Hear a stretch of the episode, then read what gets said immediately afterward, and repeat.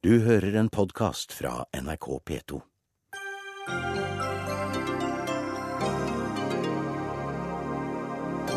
Stor dag for norsk film. Ni Oscar-nominasjoner til filmer som nordmenn står bak.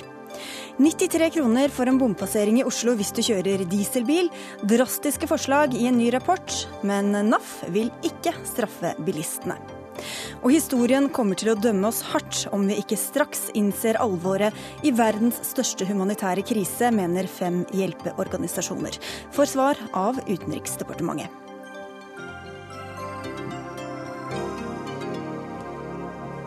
Og det skjer her i Dagsnytt 18, i dag bare på NRK P2 og nrk.no, hvor vi også spør om folk med alkoholproblemer må bli totalavholds, eller om det finnes andre veier ut av uføre. Jeg heter Sigrid Solund.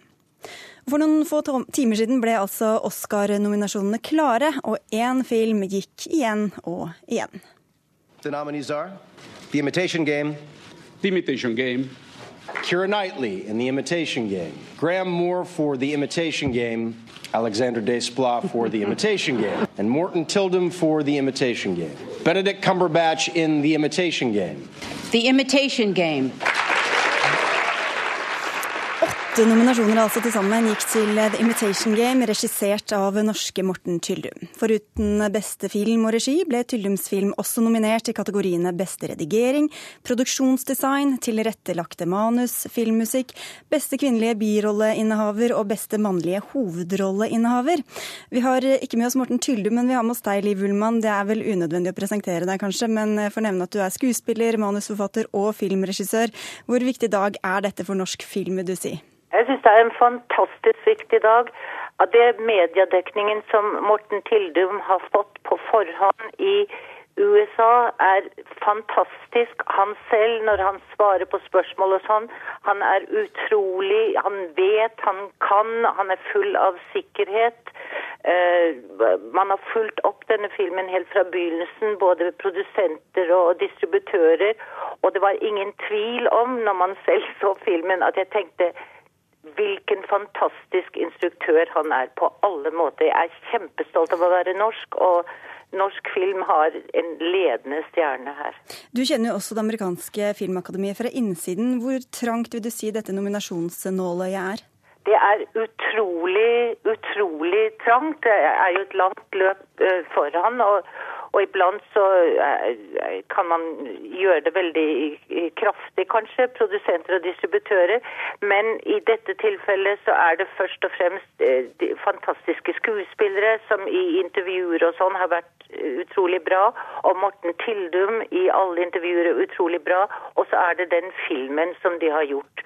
Som, som, ikke bare er en fantastisk film, men den gir oss også kjennskap i noe som skjedde under krigen, og som man aldri har snakket om. om Alan Turing, som, som uh, løste denne enagma-koden, og ifølge da amerikanske aviser minsket krigen med to år og sparte tusener av menneskers liv. Det er jo noe som folk også vil se. Men først og fremst hvorfor de vil se denne filmen, er at den er utrolig bra gjort av Morten Tildum. Du er jo ikke helt ukjent med priser selv. Du har vunnet Golden Globe, vært nominert til British Academy Film Awards og Gullpalmen, og også Oscar-nominert to ganger. Kort til slutt her, Hva skiller Oscar fra andre filmpriser?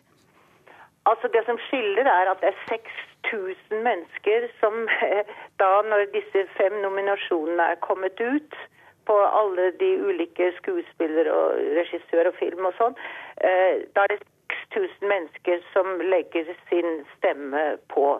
Så det er en utrolig vanskelig pris å få. Den er forbundet med en del hell og en del sympatier, men stort sett så vil jeg si at bestemannen vinner. Og jeg har ikke lov til å si hva jeg skal stemme på, fordi at jeg stemmer selv, men Høres ut som du kan lene i en retning Ingen tvil om, kjenner jeg. Nå kjenner jeg ikke hvem de andre er, for jeg har ikke lest det ennå, men når jeg filmen, så tenkte jeg oi! Nå kom Norge. Liv Ullmann, tusen takk. Du skal haste videre til teatret. Takk for at du var med. Når jeg sa til slutt, så var det bare for din del, for vi skal snakke mer om dette med deg, også skuespiller Anders Bosmo Christiansen. Du var med i gjennombruddsfilmen hans, altså Morten Tyllums 'Buddy'. Hvor stort vil du si dette er for ham og for den filmen han nå presenterer? Nei, Det er kjempestort. Det er kjempestort for Film-Norge. Det er en merkedag. 15.1.2015. Altså, altså, etter alle nominasjonene til Golden Globe og sånne ting, så var det jo, ville vært en skuffelse om ikke filmen ville vært eh, blant de nominerte til beste film. Eh, så den var jo absolutt en snakkes rundt, rundt det. Men det at den har blitt nominert til beste regi, det syns jeg er oppsiktsvekkende. Og det syns jeg er en fantastisk prestasjon. For det er jo da, eh, som Liv sier, det er en gruppe mennesker som stemmer, og, og det er jo en naturlighet at kanskje de litt mer kjente regissørene ligger litt bedre an til akkurat en sånn nominasjon. Da. Så det er vanvittig stort. Er det honnør til ham som regissør. Hvordan vil du beskrive måten han jobber på med regi? Eh, han er rett og slett en gjennomført, ekstremt dyktig regissør. og det vil si eh, Produksjonsmessig så vet han akkurat hva han vil ha, og han, han går for det. og Han er kompromissløs. og han, er, han, er, han, han bare har det inni seg. Han har den der historiefortelleren. Han er en veldig dyktig forteller. Eh, effektiv og dramatisk og temporytmisk. Han har på en måte musikken i seg. Også fra et skuespillerståsted så er han eh, blant de jeg har jobbet med, som er de absolutt best, beste til å ta, ta vare på skuespillerne sine. Få det beste ut av oss. Eh, få oss til å føle oss trygge. Så han er, han er en skuespillernes regissør. Vi skal få med en skuespillerkollega skuespillerkollega deg også, Aksel Hennie, om du kan eh, understøtte det han sier her. Du har også spilt i tre av Morten Tyldums filmer. Hva har han betydd for deg som skuespiller? Um, Morten er vel en av de enkeltpersonene i mitt liv som har hatt størst impact på min skuespillerkarriere. Uh, ikke noe mindre enn det. Morten er, som Anders sier, et fantastisk, unikt uh, fortellertalent. Han er også et av de mest hardtarbeidende menneskene jeg kjenner. Og også et av de mest pasjonerte og dedikerte menneskene jeg kjenner. Han brenner for film. Han elsker film og, og historiefortelling og filmfortelling og film. Og det er helt naturlig, egentlig, at han er den nordmannen som uh, går historisk inn og får uh, flest Oscar-nominasjoner. Du var jo med i den uh, kortfilmen, altså den første kortfilmen som du var med, og i 'Hodejegerne', som jeg nevnte, som ble hans og også ditt internasjonale gjennombrudd. Hvordan vil du si han har utvikla seg gjennom de forskjellige filmene? Altså, jeg har fått lov til å følge Morten opp gjennom hans karriere ettersom jeg har fått lov til å være med på filmene hans. Han har aldri vært usikker. Han har alltid vært trygg i, i uh, arbeidet sitt. Han har visst hvor han har skullet. Han, han er, gjør enormt forarbeid. Han er hardtarbeidende i alle, alle ledd. Og det syns jeg antallet nominasjoner vitner om. da. Han får for regi, han får for film, han får for skuespillerne sine, men det er også musikk, det er også klipping, det er Han får for, for fagfunksjonen også. Og definitivt har han flinke folk med seg, men Morten er veldig god, som Anders sier også, til å gjøre folk rundt seg gode. Han er et sjenerøst menneske, og han er veldig, veldig, veldig flink til å få mennesker rundt seg til å føle seg trygge, og til å gjøre best mulig arbeid hele tiden. Kulturkommentator her i NRK, Agnes Moxnes. Hva er det øh, nominasjonskomiteen har satt pris på ved denne filmen, tror du? Jeg tror det. altså Når du hører disse tre skuespillerne snakke om øh, Morten øh, Tyldum, så, så, beskriver de jo rett og slett et menneske som er dedikert, som er ytterst profesjonell. Og det er vel nettopp som de da også sier, at det er det som skal til for å komme opp på det nivået hvor Morten Tyldum i dag kom. Men er jo, vi er jo opptatt av at han, at han er norsk, selvfølgelig, Bosmo Christensen. Men hva tror du det har å si for norsk film ellers?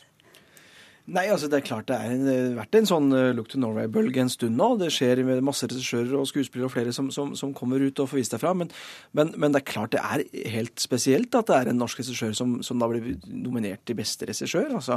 Uh, så det er klart det blir en ytterligere Det er som Liv sa i stad, nu kom Norge, var det ikke det hun sa? Ja.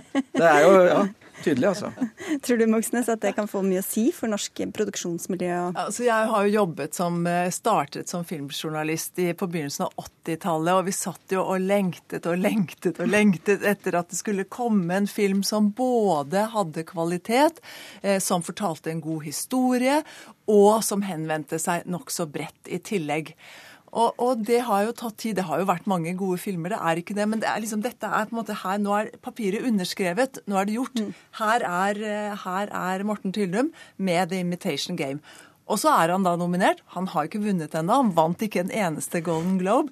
Men det er eh, med, altså man får veldig stor respekt for, eh, for en regissør, regissør, som oppnår det med sin første internasjonale film. vi må jo fryde oss over nominasjonene, selvfølgelig. Ja, all grunn til å Hva slags sjanser tror dere han har til å vinne, da? Altså det vil, Han vil absolutt være en outsider, for han vil ikke være favoritt her. For det er jo da et, et sterkt lag. Eh, så igjen, det å bli nominert til selveste Oscar, altså Golden Globe og BAFTA, det er masse flotte priser, men eh, Oscar er liksom den vi Du har jo vært, sto- med, vært med på dette fra innsida sjøl, du. Ja da, så, men det var det vi liksom vokste opp med og så, og, og så på TV om natta. ikke sant? Så det er jo, det er jo kjempestas. Men selvfølgelig, nå er han der. Nå er han eh, blant de fem, ikke sant? Så, så hvem vet? Det er åpent, det. Ja, nei, det, Jeg syns det er veldig vanskelig å, å prøve å gjette hvem det er som kan eh, få den prisen. For det er veldig mange sterke regissører, eh, og, og på, altså på, i alle nominasjonsavdelingene så er det mange sterke konkurrenter. Men jeg tenkte jeg skulle si at, at betydningen for Norge Én betydning er jo helt opplagt, og det er jo at Morten Tyldum nå har forlatt Norge. Nå har han havnet i Hollywood, og det er jo på en måte Ja. Du må vente til han henter deg til Hollywood. da, Åsmund Christensen. Det. Vi må jo ta med at det var en annen nordmann også som fikk nominasjon i dag, da. Ja, Toril Kove. Ja, Toril Kove. Og det er veldig viktig å si det, fordi at hun er jo virkelig den som har satt seg på film- og animasjonskartet. Fikk en Oscar i 2007, nominert, om, er nominert en gang til, og nå atter en gang ja. nominert. Med den kjempefine lille kortfilmen 'Molton og jeg', som man kan gå inn på nrk.no og se, faktisk. Ja, nei, Det er jo fantastisk. Tredje nominasjon. Og det er jo kun Toril Kove og Tor Heyerdahl som har vunnet Oscar av nordmenn så langt. Så Ja, når du nevnte Tor Heyerdahl, må vi høre, du har jo vært med, altså, som jeg var så vidt innom på, på Oscar-nominasjonen Ja. og det eventyret og balubaen det er. Baluba, ja. Hva er det Morten Tullum har i vente der? Nei, det er jo litt av et sirkus eh, i LA til vanlig, vil jeg tro. Men akkurat den helga der så var det jo voldsomt. Men eh, jeg husker jeg Morten, møtte Morten her sist, så, så han, eh, ha- han vet. og Han stiller vet, altså. forberedt. Han er sikkert forberedt, ja. Så er det noen som kan takle akkurat den biten der, så er det han. Og så må vi til slutt høre hva slags konkurrenter han har da, Agnes Moxnes. Ja, altså det største utfordrerne er vel The Grand Budapest eh, Hotel. Wes Anderson, personlig regissør, fantastisk historie. Og, eh, og eh, Boyhood, selvfølgelig. Richard Linklater. Er vel, kommer opp, og så er det Birdman som ikke er blitt vist her i Norge enda. Og så syns jo jeg at det er utrolig gøy at Clint Eastwood i en alder av Han blir 85 nå om en par måneder røk altså inn på nominasjonslista med seks nominerte eh, nominasjoner for den filmen som kommer nå, som heter 'American Sniper'. Og fasiten kommer om en drøy måned. Kommer 22. februar, og det er iallfall helt sikkert at det er atskillig flere nordmenn som kommer til å sitte oppe den natta enn det vanligvis er. Og inntil da er alle vinnere, får vi si. Takk skal dere ha for at dere var med i Dagsnytt 18. Anders Bosmo Christiansen, eh, Agnes Moxnes, Aksel Hennie og Liv Ullmann. Dagsnytt 18 alle hverdager klokka 18.00 på NRK P2 og NRK2.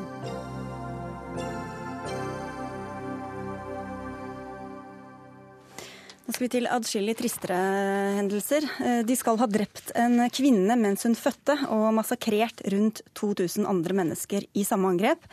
I forrige uke la opprørsgruppa Boko Haram eh, byen Baga nordøst i Nigeria fullstendig i ruiner, viser bilder som Amnesty International publiserte i dag. Afrikakorrespondent Kristine Prestun, hva viser disse bildene? Ja, Disse bildene viser to byer nordøst i Nigeria mot grensen til Tsjad, tatt før og etter at Boko Haram angrep dette området i forrige uke. Og Hvis vi da zoomer inn på bildene, så ser vi enorme ødeleggelser, og Amnesty betegner dem som eh, katastrofale. Det er flere enn 3700 hus som er totalt rasert, og en eh, av byene der det lå en militærbase, er nærmest utslettet fra kartet. Og dette skjedde jo på bare fire dager. Og dette er ganske sensasjonelle bilder som blir slått opp eh, selvfølgelig i alle medier. Hvorfor er de så oppsiktsvekkende? Det er fordi at dette er de første bildene som vi i det hele tatt har av disse angrepene mot eh, Baga. Det er ingen journalister der, det er ingen internasjonale observatører, fordi det er for farlig å dra inn. Boko Haram har jo fortsatt kontroll over dette området. Og Derfor så har det jo vært stor usikkerhet rundt hvor mange som ble drept. Øyvitner har fortalt, som du sa, at så mange som 2000 mennesker eh, kan være massakrert. Mens myndighetene her har jo hevdet at tapstallene ikke er høyere enn 150. Og nå vet vi jo da litt mer, for etter å ha sett disse bildene eh, og snakket med flyktninger, så mener Amnesty at flere hundre mennesker må være drept, og betegner dette som det mest dødelige angrepet fra Boko Haram eh, noensinne. Hvorfor er Baga en strategisk viktig by for Boko Haram? I Baka så er det, eller var det, en militærbase der det var internasjonale styrker med soldater også fra Tsjad og Niger. Nå var det trolig bare nigerianske soldater der det angrepet skjedde, men uansett så har dette stedet da stor eh, symbolverdi eh, for Boko Haram. Altså de klarer å ta et sånt sted eh, og eh, rett og slett jage soldatene på flukt. I tillegg så har jo da de militante islamistene helt sikkert nå skaffet seg en god del våpen. Maren Sebe, du er redaktør i verdensmagasinet X og historiker med afrikanske geriljabevegelser som spesialfelt. Vi hører altså at de drepte en kvinne mens hun fødte og massakrerte også et ukjent antall andre mennesker. Hvordan kan vi forstå en sånn utrolig ondskapsfull framgangsmåte? Det er ikke så lett å forstå. og Det er ikke så veldig lett å, å verifisere de opplysningene man får fra veldig sjokkerte flyktninger heller. Uh, men det kan jo virke som, som uh, det har vært viktig her for, for Boko Haram å også sende en, en, et slags budskap om, om, at da sånne byer som har sånne tropper, også internasjonale tropper, at de kan vente seg represalier. Um, så uh, lurer jeg også på hvordan de da klarer å bli så store som det de faktisk er blitt, med når, når altså dette er det som venter befolkningen rundt dem. Det er jo um, nå har jo denne her, eh, konflikten pågått noen år, og det har jo vært eh, tall på at det er alt fra liksom 5000 til 15 000 medlemmer i Boko Haram. Eh, den gang de var en sekt, så hadde de ganske mange følgere.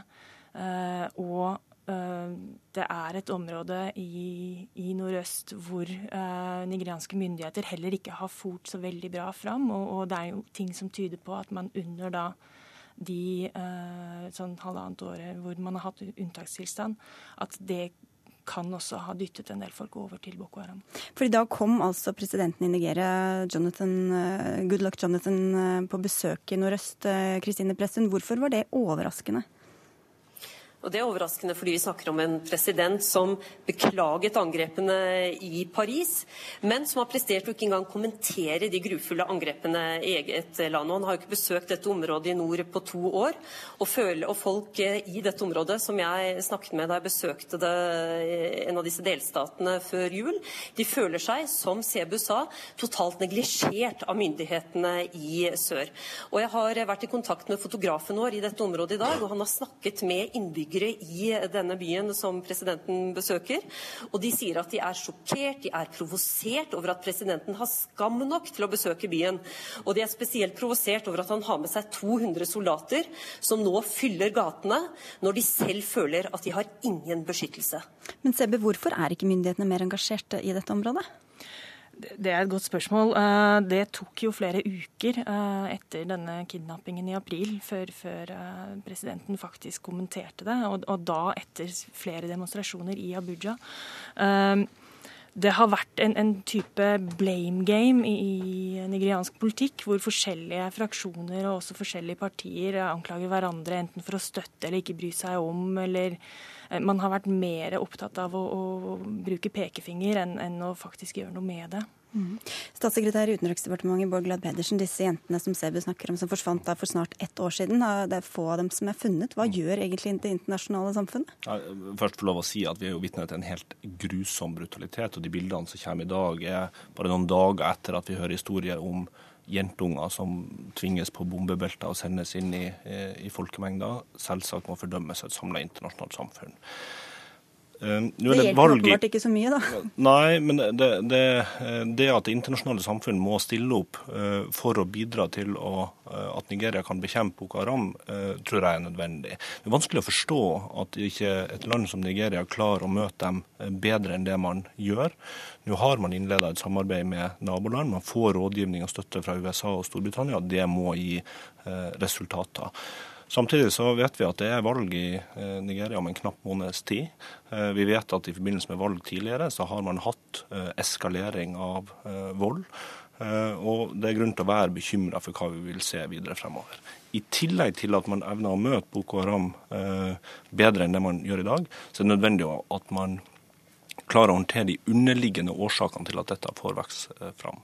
Fattigdom, ekskludering, mangel på utdanning, mangel på uh, utvikling i fattige deler av, uh, av Nigeria. Ja, dette valget, Sebbe, hva kan det få å si for situasjonen da, de neste månedene i Nigeria? Antageligvis at det ikke blir noe bedre. Så spørsmålet er bare hvor ille det kan bli. Men nå er det jo ting som tyder på at dette valget ikke kommer til å gjennomføres i nordøst i det hele tatt, og at det også uh, henger litt i en tynn tråd i en del andre nordlige delstater, hvor sikkerheten selvfølgelig kommer til å være et problem. Um, det betyr at valget kan underkjennes. Eh, og havner man i den situasjonen, så, så, så, vil det jo ikke løses på en sånn. Nei, Da blir det enda større konflikter? Antageligvis, ja. Men du sa Bård Glad Pedersen, at det må løses både på kort sikt og lang sikt. Mm. Men hva gjør man da? Hva gjør Norge og andre land? Ja, vi stiller jo opp sammen med andre for å gi støtte til Nigeria for å klare å møte dette. Eh, det er nødvendig at Nigeria tar dette på Eh, mer alvor, og at det samarbeidet som man har innleda også med regionale aktører, gir resultater. Vi ser at andre land har klart å møte Boko Haram bedre enn det man eh, lykkes med i Nigeria. Det er det ene. Hva slags støtte er det vi gir deg? Pengestøtte, eller? Ja, også det, men det er støtte også til med rådgivning om hvordan disse kan eh, møtes. Ikke minst fra USA og Storbritannia. Det er viktig, og vi må bidra også vi til, til dette. Så handler det om å bidra til utvikling i Nigeria, men sånn som situasjonen er nå, så er jo det veldig krevende. Det er jo ikke et spørsmål om bare vilje til å bidra, men det å klare å komme frem med hjelpa i områder der det er vanskelig til bare det å få ut informasjon om hvor mange som rammes av denne brutaliteten og denne volden, så er det klart at det er vanskelig det å komme inn med, med hjelp. Men hva slags press legger bl.a. Norge da på nigerianske myndigheter? Ja, Det er jo et press om at uh, Nigeria er nødt til å gjøre mer for å bekjempe Boko Haram. Hvordan foregår det presset? Ja, Det er jo både med å uh, gi et helt entydig samla budskap fra det internasjonale samfunn om det, og å stille opp med uh, hjelp til dem. Der USA og Storbritannia har vært tidlig ute og gitt støtte og rådgivning, og vi bidrar og støtter opp under, under det. Og så er det da også nødvendig å ta tak i de underliggende årsakene. Går det an å si noe Kristine Pressen, om hvordan nigerianske myndigheter forholder seg til dette internasjonale presset? Det er eh, Ja, det blir spennende å se. Det er absolutt ikke umulig at det besøket som vi ser nå eh, nordøst i landet har med internasjonalt eh, press eh, å gjøre. at Så langt i valgkampen så har jo presidenten ikke sett det nødvendig da, å i det hele tatt kommentere dette. Så når han velger å dra nå, så kan det godt faktisk ha noe med internasjonalt press å gjøre. Men samtidig så snakker vi om et land, en stormakt i Afrika, som absolutt ønsker å signalisere at de vil håndtere sine egne problemer selv det er nok riktig det der at eh, Goodluck Jonathan nå har møtt opp i Maiduguri fordi han ser at det, det er en internasjonal eh, press også. Eh, det tok som sagt noen uker i april og, og, og mai for han å kommentere uh, kidnappingen av disse jentene fra Shibuk, og da var det etter en, en internasjonal kampanje. Da ble også Nigeria uh, lovet en del, bl.a. som du sier gjennom rådgivning, militær rådgivning også, uh, eh, bl.a. fra USA.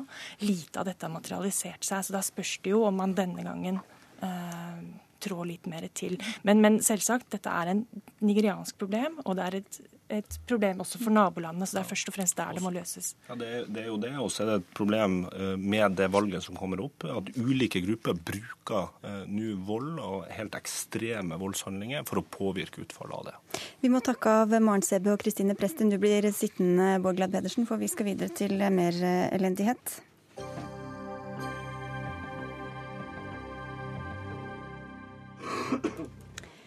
For aldri noen gang før har flere mennesker vært på flukt enn nå.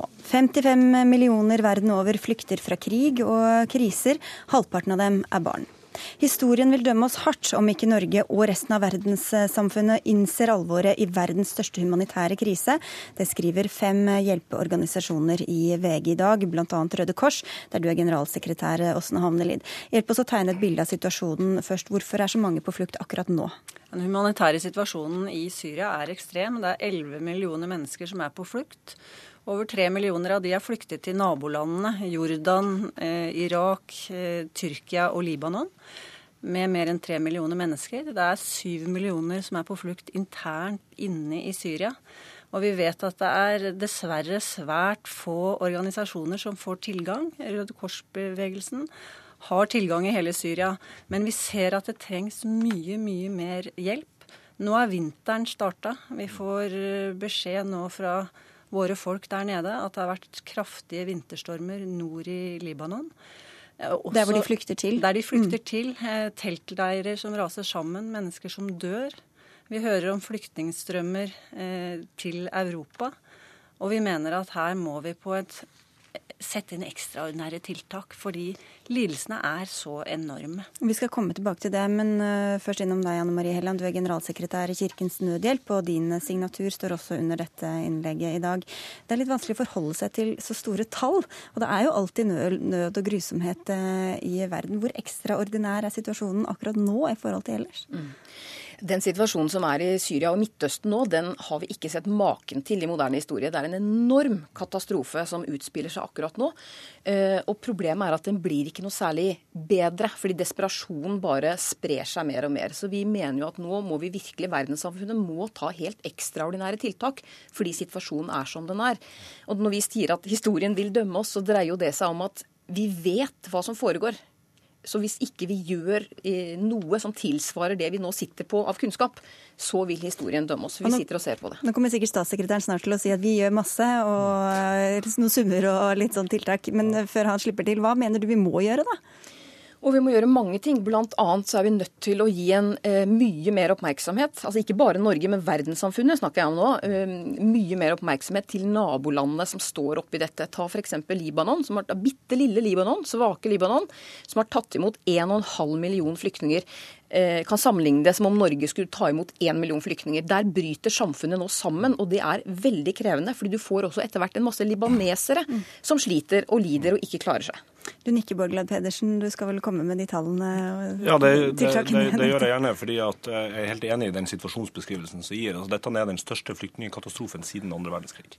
Eh, så det å ta inn over seg hvor ille dette er, nesten umulig. Men Står da tiltakene i samsvar med den eh, situasjonsbeskrivelsen? Ja, det, det, som gjør det ekstra krevende, det er at det er ikke bare et spørsmål om vilje til å bidra. Det er også å klare å håndtere de store utfordringene som er i Syria, med tilgang til grupper som trenger eh, hjelp. Og ikke minst det å klare å løse de underliggende årsakene. For bare fire-fem år siden så reiste flyktninger til Syria. Eh, fordi at det var der det var håp om en eh, bedre fremtid. Dette er en katastrofe som er menneskeskapt, som er politikkskapt. Og det å klare å bidra til å løse de underliggende politiske utfordringene. Så har, så har jeg lyst til å si at pga. de store humanitære utfordringene vi står overfor, ikke bare i Syria, men i Irak, Sentralafrikanske republikk, i Sør-Sudan, mange andre eh, steder, så er det helt nødvendig at vi øker eh, den humanitære hjelpa. I budsjettet for i år, som er det første budsjettet som denne regjeringa laga fra, fra bunnen, så økte vi eh, humanitær hjelp med en halv milliard helt nødvendig. Det kommer til å bli behov for å øke videre framover også. Vi har prioritert dette og utdanning innenfor bistanden, for vi mener at det er det viktigste i den situasjonen vi står i nå. Og Hvor godt svarer det da på de utfordringene vi står overfor, mener dere? Ja, I Kirkens Nødhjelp så tenker vi at eh, norske myndigheter gjør en god jobb. Altså Norge har gjort mye og er i forkant, vil vi si. Eh, men det vi tenker er at eh, vi har et moralsk ansvar som en av verdens mest ressurssterke land til å ta og gå foran og prøve å få med seg flere land. Altså, gjør vi det godt nok, da? Det kan, kan alltid gjøres bedre. for å si det sånn. Her må det ekstraordinære tiltak til. Og jeg, jeg, tror det er viktig, altså som Anne Marie sier, at eh, både at vi forsterker innsatsen i nabolandene, men ikke minst at vi ikke glemmer sivilbefolkningen i Syria. Og så tror jeg det er helt avgjørende at vi også går foran og gjør noe ekstraordinært med tanke på flyktningstrømmen. Når du hører og skildringer av båtflyktninger som blir satt i førerløse skip, som når Sør-Europa, og der vi vet at eh, våre, våre, tilsvarende foreninger i, i, Hellas, Italia, den maktesløsheten de står overfor. Vi hører om flyktninger som lever i skjul i Europa. Vi må, gjøre, vi må både gjøre ting for å hjelpe menneskene i Syria, eh, og forsterke og ikke glemme de. Vi må forsterke hjelpen til nabolandene, og så må vi også våge på humanitær bakgrunn å gjøre en innsats. Gjøre en innsats, da mener du å ta imot flere ta imot flyktninger flere her? Flyktninger det er jo bokstavelig talt ikke ditt departement, Bård Pedersen. Men, ja, men man kan likevel si da at vi, vi har jo i fjor oppretta en kvote på, på 1000 syrere, og så har vi økt den til, til, til, til 1500. Eh, jeg er glad for at dere begge sier at Norge gjør mye, og at dere ser at vi har økt. Og så er jo selv, altså, Vi vil aldri klare å øke så mye at de sier at nå er det nok. Eh, for utfordringen er så, så stor, så deres jobb er å være en pådriver for meg. og Det syns jeg er riktig at dere gjør. Men, Men hvordan både... tror du historien vil dømme den innsatsen dere gjør, da, som de, disse er bekymra for? Jeg, jeg, jeg, mener egentlig at det er ikke i første rekke på vilje til å bidra til å avhjelpe denne situasjonen det nå eh, står på. Det er på å klare å lykkes med å få det til. Det, det er viktig at vi stiller opp mer fremover. Det må vi gjøre. Det må andre gjøre. Så på viljen får dere godkjent, men på gjennomføringa blir altså det strik? Jeg mener at det, det gjenstår å se. Det, utfordringen med å håndtere de, altså å skape et politisk grunnlag for en enighet i, i, Syria er helt enorm. Nå har vi sett at den eh, borgerkrigen som har fått herja Syria de siste årene, har medført at eh, ISILs fremvekst har vært mulig. Og du har sett en brutalitet som bare Boko Haram kan eh, konkurrere med, både i Syria og i eh, Irak. Hvordan man skal klare å få til politiske løsninger i Syria, veldig vanskelig å se for seg. Vi ser at FN prøver. Vi ser at Russland har tatt et initiativ nå.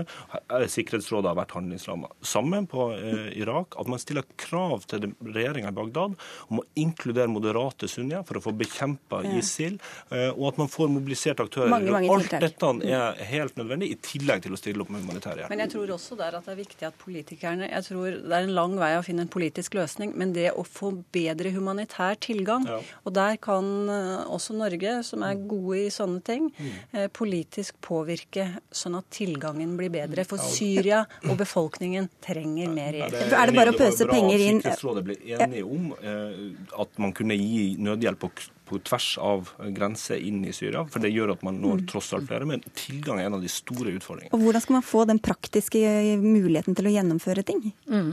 Altså, jeg er enig, veldig enig i Glad Pedersens analyse. Altså, det er jo et ekstremt komplekst landskap, dette her. Og det som er så fortvilt, at det er jo sivilbefolkningen som er fanget midt mellom disse ulike frontene.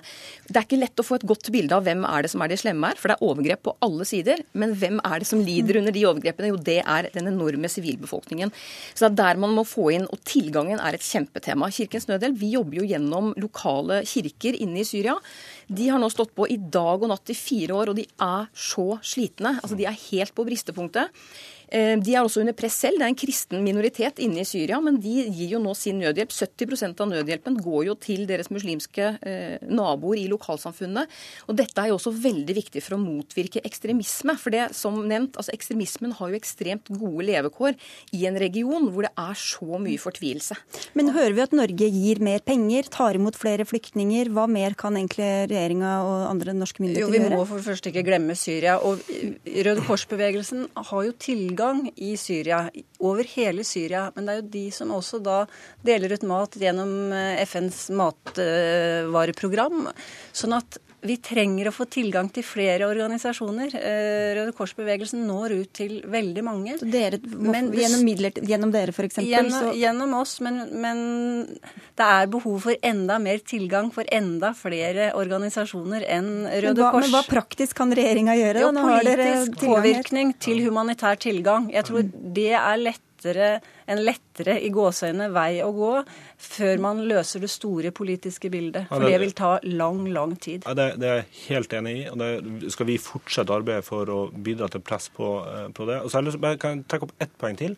og det er at En del av de som nå mottar enorme strømmer eh, med flyktninger, eh, Libanon som var nevnt, som har et innbyggertall på størrelse med Norge, som geografisk er på størrelse med Rogaland, og over en million eh, flyktninger. Det gjør noe med det landet, og det er vanskelig å få utviklingsaktørene inn eh, for å klare å eh, støtte opp under samfunnet over tid når man har denne type humanitære kriser. Det er en, en, av de diskusjonene som jeg mener er viktig at vi har mellom oss. Hvordan kan vi få til bedre samspill mellom humanitære aktører og utviklingsaktørene når de klarer å håndtere vedvarende kriser som dette? Vi er nødt til å avslutte. Hva tror dere dommen blir da over innsatsen vår? Jeg håper at vi ikke glemmer befolkningen i Syria og flyktningene derfra. Vi må ha fokus på det, og vi må gjøre det vi kan, sånn at historien virkelig viser at vi gjorde en forskjell. Vi får avslutte ved samstemt eh, nikking her. Takk skal dere ha for at dere kom til Dagsnytt 18, Åsne Havnelid, Anne Marie Helland og Bård Glad Pedersen.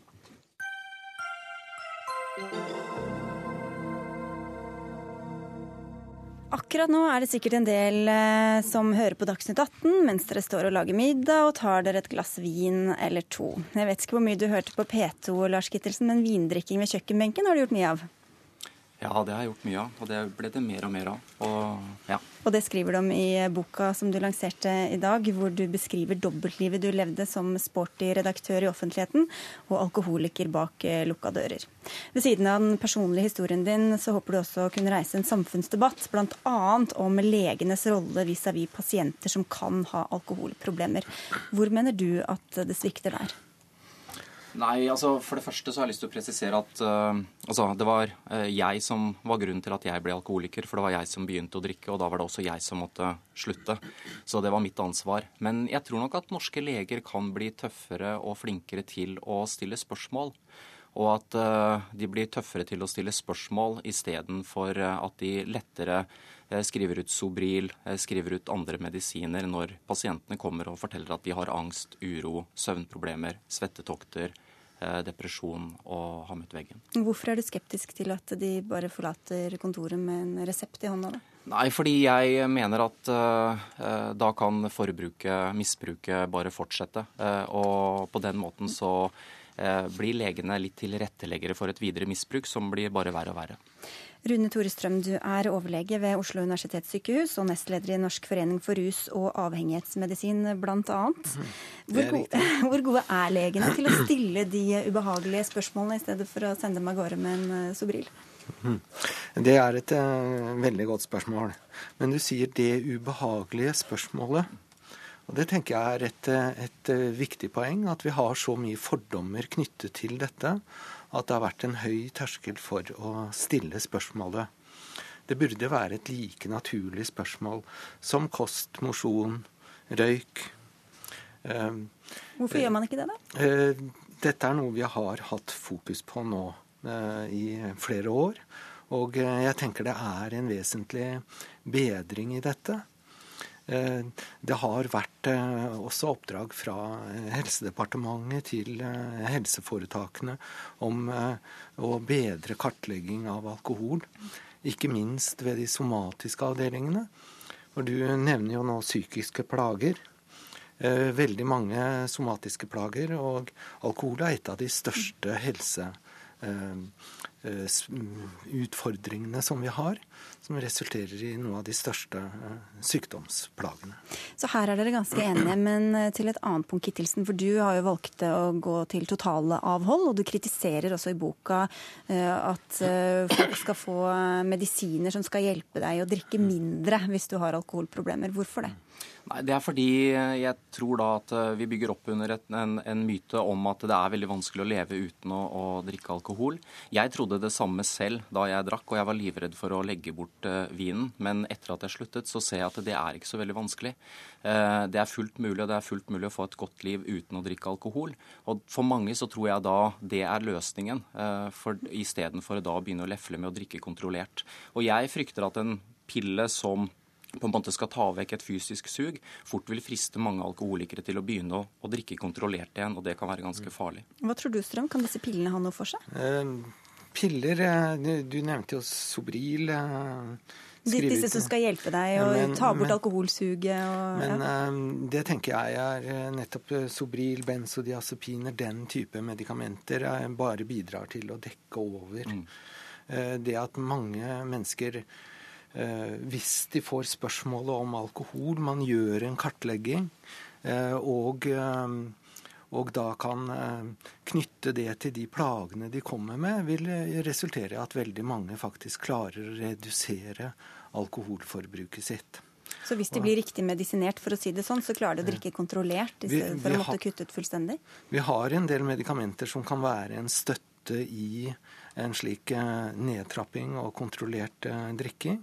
Og vi vet at en, en del av de som eh, ikke klarer å ha en målsetning om total avhold, allikevel etter en periode med kontrollert eh, drikking eh, faktisk ender opp i lange perioder med totalavhold. Men jeg tror det at det med piller fort blir en quick fix for mange leger, og også for pasienter som ønsker en mer behagelig vei ut av misbruket sitt. Jeg tror det er veldig viktig å tenke på at eh, alkoholisme bl.a. ikke handler bare om fysisk avhengighet, men veldig mye om psykisk avhengighet og om dypere ting, som f.eks. en følelsesflukt og en søken etter ro.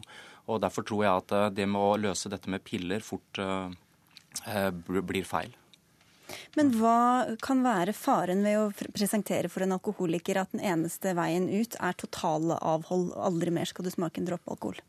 Eh, jeg tenker eh, det som er det viktige, er å møte menneskene der hvor de er i sin prosess.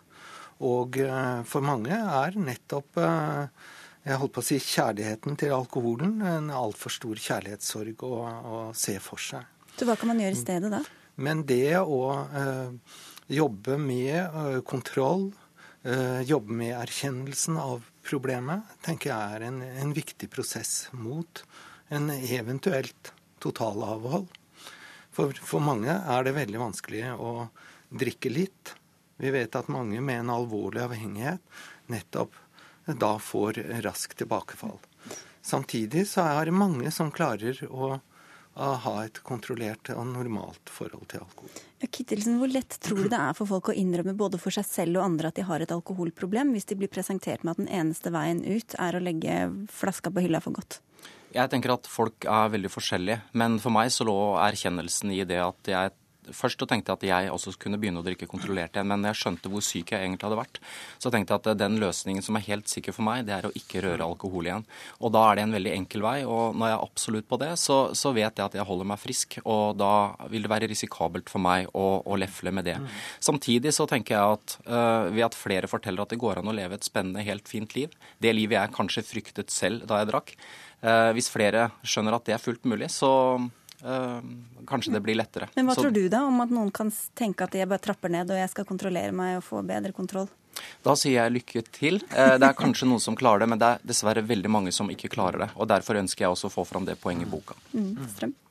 Ja, Vi vet at en del av de med en eh, alvorlig og tung avhengighet nettopp sliter i, i denne sonen.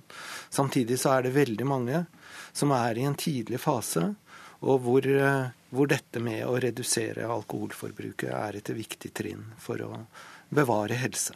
Så hvis du er tidlig ute, så kan så, det være håp om å trappe ned litt? Mm. Da, da, er det veldig mange som trapper ned når dette problemet blir avdekket. Og da er det veldig mange alkoholikere som tenker i sin egen benektelse at de er veldig tidlig ute. Mm. Så det er en farlig vei å gå, mener du? Ja, jeg tenker at eh, jeg har i hvert fall funnet en enkel vei, eh, mm. og, og, det er jeg veldig glad for. Du savner ja. ikke det ene glasset? Nei, jeg gjør ikke det. Jeg tenker i hvert fall veldig ofte på hvor syk jeg var hvis jeg skulle mm. finne på å romantisere. Vi får eh, be alle om å gå i seg selv og sitt eget alkoholforbruk. Takk skal dere ha for at dere kom til Dagsnytt 18, Lars Kittelsen og Rune Tore Strøm. Hør Dagsnytt 18 når du vil Radio.nrk.no.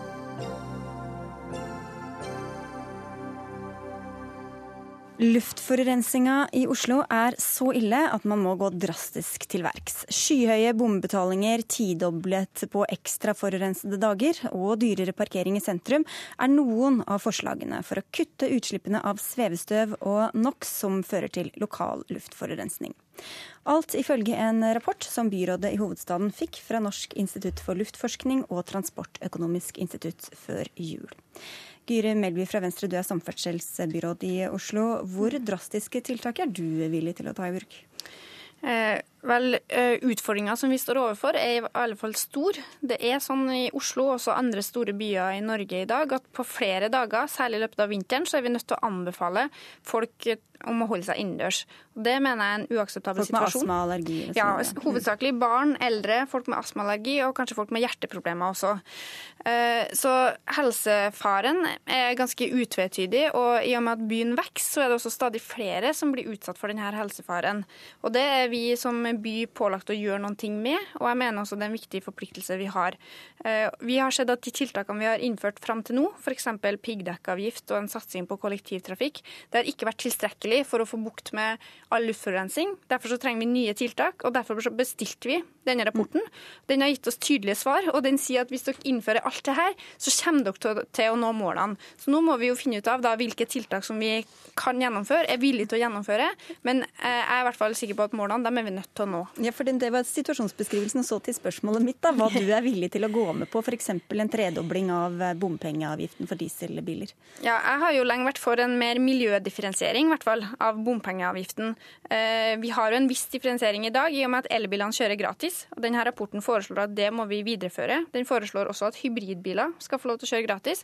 Men så foreslår den at dieselkjøretøy, både personbiler og tunge kjøretøy, eh, må betale mye mer. Og Det er en retning som jeg støtter. Og så vil ikke jeg her i dag konkludere med å si akkurat hvor mye vi skal slå på, men eh, prinsippet er jo at den som velger miljøvennlig, den skal få reise billig, mens den som velger å forurense, den er nødt til å betale mer. Og så vet vi av erfaring at det må fleske litt til for at det skal virke. Det nytter ikke å legge på 50 øre, liksom. Ja, det har jo vist seg. Vi har jo bompengene vi har allerede i dag, har jo en viss avvisende effekt. Men så har vi dessverre fått eh, avgifter fra statlig nivå som har gjort at det har lønt seg for folk å kjøpe dieselbiler. Mm. Eh, jeg skjønner at mange blir irritert for at vi nå endrer forutsetningene, eh, men vi er nødt til å innføre tiltak som gjør at folk kan bevege seg rundt i byen vår. Ingrid Elisabeth Sagdal, du er kommunikasjonssjef i NAF. Hva syns du om forslagene fra denne rapporten? Ja, Vi har lest rapporten. Vi anerkjenner at det er et problem. Lokal luftforurensning er ikke bare et problem i Oslo, det er et problem for Norge. Og det er mange av disse tiltakene vi kan være med og støtte. Men eh, det som er problemet til Guri Melby, det er jo at hun sitter med et ansvar uten å ha de gode nøklene til å få gode tiltak på plass. Hun kan gjøre restriktive tiltak, f.eks. å gi dieselbileierne da trippelbompenger eller tidobling i, i vanskelige perioder. Og du sier mest miljøvennlig. Vi må jo minne om at dieselbilen fremdeles er den mest klimavennlige fossilbilen. Ja, For den slipper ut mindre CO2 enn yep, bensinbilen? Det, det, det, er villet politikk at vi har så mange dieselbiler som vi har i dag. Og det er veldig uh, uforutsigbart og vanskelig å forholde seg til for de mange som har fulgt regjeringas både råd og avgiftspolitikk ved å skaffe seg denne dieselbilen, som koster veldig mye. Det er den nest største investeringen i en husholdning. Og vi tror jo ikke at det er effektivt heller, for det er klart at veldig mye av næringstransporten skjer ved dieselbiler. Og hvem er det da som betaler regninga? De vil jo fortsette å kjøre kjøre gjennom bomringen. Det bare det blir mye dyrere varer og tjenester uten at vi får noen færre dieselbiler av den grunn. Det som er viktig for oss å si, det er at Guri Melby nei, nei, men hun må snakke med regjeringa, for det er de som sitter med de gode verktøyene. Vi vet ikke hvor godt klimaet er akkurat nå, men, men hvor, hvor, effektivt er et sånt uh, avgiftshopp? Uh, altså, jeg vil understreke at det her er en tiltakspakke. Så det her er ikke bare ett tiltak, det her er mange tiltak. Alt fra lavere priser på kollektivtrafikk, mm. tilskudd for at folk skal kjøpe seg rentbrennende ovner, eh, og høyere priser i bomringer for dieselkjøretøy. Så, og den understreker veldig tydelig at det går ikke an å bare gjøre én av delene. Dere er nødt til å gjennomføre mange tiltak for å nå målene. Ehm, men, vi snakker med regjeringa, og jeg var senest på besøk hos Stortinget på mandag eh, for å lobbyere for et forslag som ligger der, om muligheten for å innføre lavutslippssoner. Ja, eh, for der har dere fått nei fra Samferdselsdepartementet tidligere, og Samferdselsdepartementet ja. hadde ikke mulighet til å være med i Dagsnytt 18 i dag, bare for å ha sagt det. Men, men, jeg vil bare tilbake Så jeg er enig med ja. poenget at vi trenger flere verktøy, eh, og vi er også nødt til å ha med Stortinget hvis vi skal få mer miljødifferensiering, for da har vi heller ikke mulighet til i dag.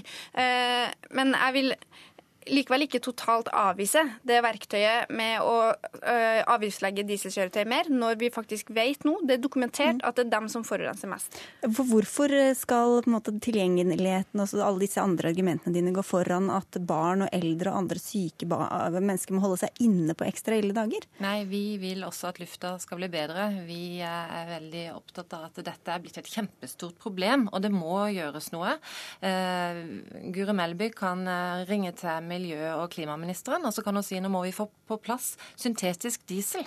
Det er et drivstoff som kan fylles på tanken på dieselbilene, og som vil altså redusere utslippene av NOx med 60 eh, minst. Og for det er da, det samme som kan fylles på dieselbilene, men som fikk eh, høy avgift da ja, det ble lansert for noen år siden? Den, eh, det drivstoffet fikk en veibruksavgift som ikke det skulle hatt. Nå er det en eh, domsavgjørelse på at det er feil. Og i mellomtiden så gikk altså importørene i Norge lage konkurs. Dette er grep som vil være effektive, og som ikke vil eh, liksom sparke i beina på de som eh, da skal putte beina inn i en dieselbil for det har de kjøpt i god tro. En annen ting man kan gjøre, er å sette skipene på landstrøm. Det er viktig å få nevnt det er tiltak som Oslo kommune kan ja. gjøre mye med. Jeg samarbeider gjerne med NAF om å presse regjeringa og Stortinget til å gi oss flere virkemidler. Men jeg mener jo også at historikken de siste årene har vist at det å føre en avgiftspolitikk som vrir folk i retning av grønne valg, det er veldig effektivt. Det har vist seg på elbilpolitikken, f.eks. Det at vi har gjort det billig å kjøpe elbil, det har gjort at mange gjør det. Jeg håper at det vi nå har innført for hybridbil, også vil føre til den samme utviklinga. Eh, og det som jeg har tro på, er jo f.eks. da hvis at eh, lastebileierne eller de svære transportselskapene ser at ok, hvis dere bruker gamle lastebiler som forurenser mye, så må dere betale tre ganger så mye. Hvis dere kjøper de nyeste, Euro 6 Men hvor miljøvennlig er det å bytte biler og lastebiler og sånn uh, annethvert år ettersom hva som ja, det, lønner seg? Vi må alltid huske på at det er mange perspektiv, både klima- og luftforurensning. Men i hvert fall i et luftforurensningsperspektiv så må vi få skifta ut de gamle lastebilene og de gamle trailerne som går på norske veier. Det er dem som er hovedproblemet vårt. Og det eneste verk verktøyet som jeg per i dag har i verktøykassa, det er å gjøre det dyrere for dem. Mm. Eller det er å eventuelt stenge dem ut fra enkelte deler av byen. Og da håper jeg at det gjør at næringen regjeringa bytte ut bilene sine, i stedet for at de holder seg unna Oslo. Ja, så til slutt, Sagdal, altså Du nevnte jo den avgiftsomleggingen. Det begynner å bli noen år siden nå at vi ble oppfordret gjennom avgiftssystemet til å bytte fra bensinbil til dieselbil. Hvor lenge skal det påvirke hvilke tiltak Oslo, Bergen og andre kommuner skal ta i, ta i verk nå? Ja, altså det er jo sånn at Én uh, ting er miljø som har med klima å gjøre, en annen ting er luftforurensning. Det gjør denne debatten litt komplisert. Vi ønsker også flere nullutslippsbiler, elbiler og ladbare hybrider. og Det skal vi jobbe sammen for. At ikke regjeringa gjør noe tull med nå når de skal behandle helhetlige avgiftsrapporter revidert. Men, men dieselbilen er fremdeles best fossilbil når det gjelder klima, og det er en stor investering. Og alle har råd til å bytte bil hele tiden og skifte til en ny bil. Vi er nødt til å avslutte der. Dere får slå deres hoser sammen i riktig retning. Guri Melby og Inger Elisabeth Sagedal, takk for at dere kom.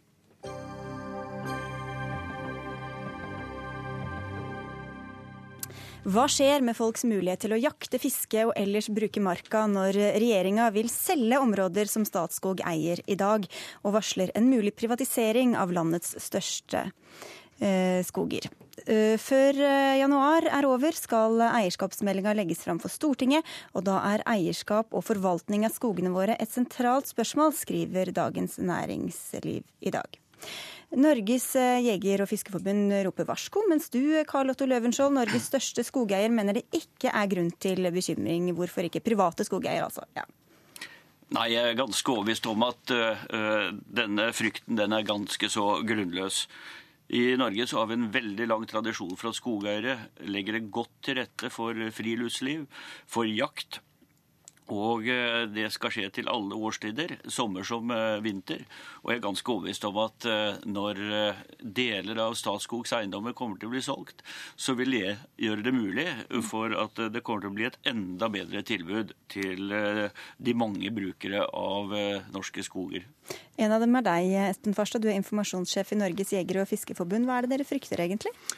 Nei, Vi frykter realiteten i dette her. Eh, og Det er at eh, det er viktig å være klar over at jakt- og fiskeretten ligger til grunneierretten. Det er ufravikelig. Og Da ligger også i grunneierretten at grunneieren selv kan bestemme om det skal jaktes, om han selv skal jakte, eller om han skal selge kort, eller om han skal leie det ut eksklusivt, eller hva han skal gjøre. Det er på en måte en del av grunneierretten. Et unntak på det er på statsgrunn. For det er altså politisk styrt. Og der er det også politisk bestemt at dette er ditt og mitt. Dette er vårt felles eie. Og derfor er vi også garantert en tilgang til jakt og fiske på statsgrunn. Så det blir mer usikkert da når mer kommer på private hender? En privat grunneier vil aldri kunne garantere dette, og dette vil kunne svinge eh, i perioder. Og det gir ingen garanti. Så tar man bort dette fra det norske folk nå ved å privatisere det som er vårt felles eie, så er det en irreversibel prosess. Og, og det henger ikke på greip, det som Løvenskiold sier her, om at dette vil gi et enda bedre tilbud. Vi har konkrete eksempler på at så ikke er tilfellet. Vet ikke om jeg kan få nevne et eksempel? Et kort et. Ja, da skal jeg gjøre det. I Hallingdalen, i Gol kommune, så hadde Statskog en Eh, eiendom. Denne eiendommen ble brukt av Gol jeger og fisk til opplæringsjakt av unge jegere eh, og kultivering av fiskevann. Nå er denne eiendommen solgt som en del av denne nedsalgsprosessen. Det gikk til en privat eh, forretningsmann fra Bærum som konka ut kommunen på pris. Så da forsvant dette ut fra offentlighetens eie, og ingen kan garantere noen som helst form for allmenn tilgjengelighet til dette området fra nå av. Og det er realitetene. Mm. Løvenskiold, det høres jo ikke så bra ut? Nei, jeg tror ikke dette kommer til å bli noe problem. For det første så har vi eh, godt regulert i det norske lovverket allemannsretten, slik at uh, uansett hvem som er eier, så vil, uh, vil publikum få den beste tilgang til, uh, til skog- og friluftsområder. Og når det gjelder tilgang til jakt, så er ganske overbevist om at dersom eh, det blir flere skogeiere som får muligheter til å, til å, bli større og kjøpe skogeiendommer, så vil det også i større grad bli en øket interesse for å legge til rette for, eh, for å selge jakt. for å eh, både til lokale og utenbys gjester som har lyst til å bedrive denne flotte aktiviteten. Dette kommer ikke til å bli noen rikmannssport, og det kommer heller ikke til å bli noe som forbeholdt de få. Eh, I det norske skogbruket i dag så deles jakt og friluftsopplevelser med, med de mange. Men ja, Du nevnte ett eksempel, men hvor representativt er det? Vi har jo allerede ja, veldig mye skog på private hender oh, ja, vi, i Norge ja, da, og vel, Vi har et godt forhold til private grunneiere for all del og rundt omkring i landet. og vi, Det er ikke noe gærent med det. Det er bare det at de kan ikke gi denne garantien som vi er opptatt av. Eh, og det fins områder i Norge, Aust-Agder, hvor man knapt får kjøpt et jaktkort noe sted fordi det er en privatisert sfære over det hele. Eneste unntaket er faktisk Statskog sine eiendommer nede på Gjerstadskogene der. Og dette skal nå altså legges ut for salg. Eh, og vi, jeg vil nesten stille spørsmålet hvorfor er vi kommet i denne situasjonen at man vil ta bort det statlige eierskapet til myr og vann og fjell og skog, eh, som forvaltes i dag av Statskog til beste for oss alle, med god tilrettelegging for friluftsliv og en garantert tilgang til jakt og fiske, og bytte ut dette med en privatisert sfære, hvor altså da noen få skal få eie disse områdene som i dag er vårt felles eie. Jeg kan ikke forstå det. Nei, og regjering, Du kan jo ikke snakke på vegne av regjeringa, for det er jo ikke, det er de som kommer med dette forslaget. Men hva mener du er gunstig ved å, ved å selge seg ut da fra Statskog? Det som er eh, hovedbegrunnelsen, slik jeg har forstått det, det er jo det at staten ønsker nå å legge til rette for at det kan bli etablert større rasjonelle skogeiendommer, som gjør at uh, vi kan få en effektiv drift av skogbruket. En næring som er veldig konkurranseutsatt, hvor det er viktig at det er større enheter, slik at disse kan drives rasjonelt, og at vi kan forvalte denne fantastiske fornybare naturressursen. Og det blir bedre for alle, mener du? Det kommer helt sikkert også til å bli bedre for alle når vi får skogeiere som driver enda mer lønnsomt, har muligheter til å bygge veier, eh, legge til rette for at eh, friluftslivet skal kunne Men Hvorfor ønsker grunneierne å legge til rette for allmennheten eh, i skogen sin, da? Det er For det første så er det lovbestemt. Allemannsretten er der. Og, ikke, og vi har en lang tradisjon for at uh, norske skogeiere også er flinke til å legge til rette. Eksempelvis uh, fra min egen skog i Oslomarka, hvor vi har et strålende samarbeid med friluftsorganisasjonene. Slik at det er antageligvis Norges beste tilbud av både skiløyper og, uh, og, og stier som brukes til alle årstider. Ja, det, dette er jo, det er jo hyggelig det, Løvenskiold, at du, du, gjør det med velvilje. Eh, og så får jeg glad for at den velviljen er der, for du kan ikke gi noe garanti, du heller. Eh, at man skal få effektive og store driftsenheter, ja det kan vi være helt enig i. Og den største driftsenheten på dette i Norge i dag, landets største grunneier, er faktisk Statskog. Og det er den dere prøver å vingeklippe eh, og ta bort. Og dette er altså forvaltere av vårt felles eie, vårt arvesølv. Dette er skogen og landet som er på en måte verdifulle naturressurser som vi skal bringe videre til neste generasjoner, og ikke putte over på enkeltpersoners hender gjennom en privatisering. Jeg er nødt til å takke dere her og nå. Du får drive litt lobbyvirksomhet framover, Espen Farstad fra Norges jeger- og fiskeforbund. Tusen takk også til deg, Karl Otto Løvenskiold, for at du var med i Dagsnytt 18. Hør Dagsnytt 18 når du vil. Radio NRK.no.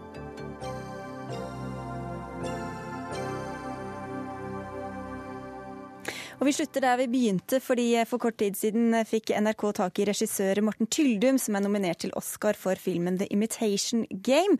Filmen fikk hele åtte nominasjoner tidligere i dag. Tyldum er på reise og fikk ikke vite om nominasjonene før han mellomlandet på vei til Sør-Afrika. Vi skal høre hva han sa. Jeg skrudde på telefonen, så eksploderte den. Så øh, det rant inn med meldinger. og det er jo det man drømmer skal skje. og Det er jo overveldende, liksom. Hva betyr dette for deg? Personlig. Dette er, er andre regissører som har nominert meg, og det, det, er, det er, fantastisk. Hvordan skal du feire dette? Nei, nå er jeg på vei inn i fly. Nå skal jeg sitte tolv timer på fly til Cape Town. Så jeg sikkert ikke drikke champagne, men jeg må nesten feire, uh, feire det litt senere, dessverre. Men jeg er selvfølgelig glad og, og lettet og uh, alt det. Det sa altså regissør Morten Tyldum til reporter Iram Ansari, og Dagsnytt 18 får stille oss i gratulantenes rekker. Det ved ansvarlig for sendinga Hege Holm, teknisk ansvarlig Hanne Lunås og jeg, Sigrid Solund.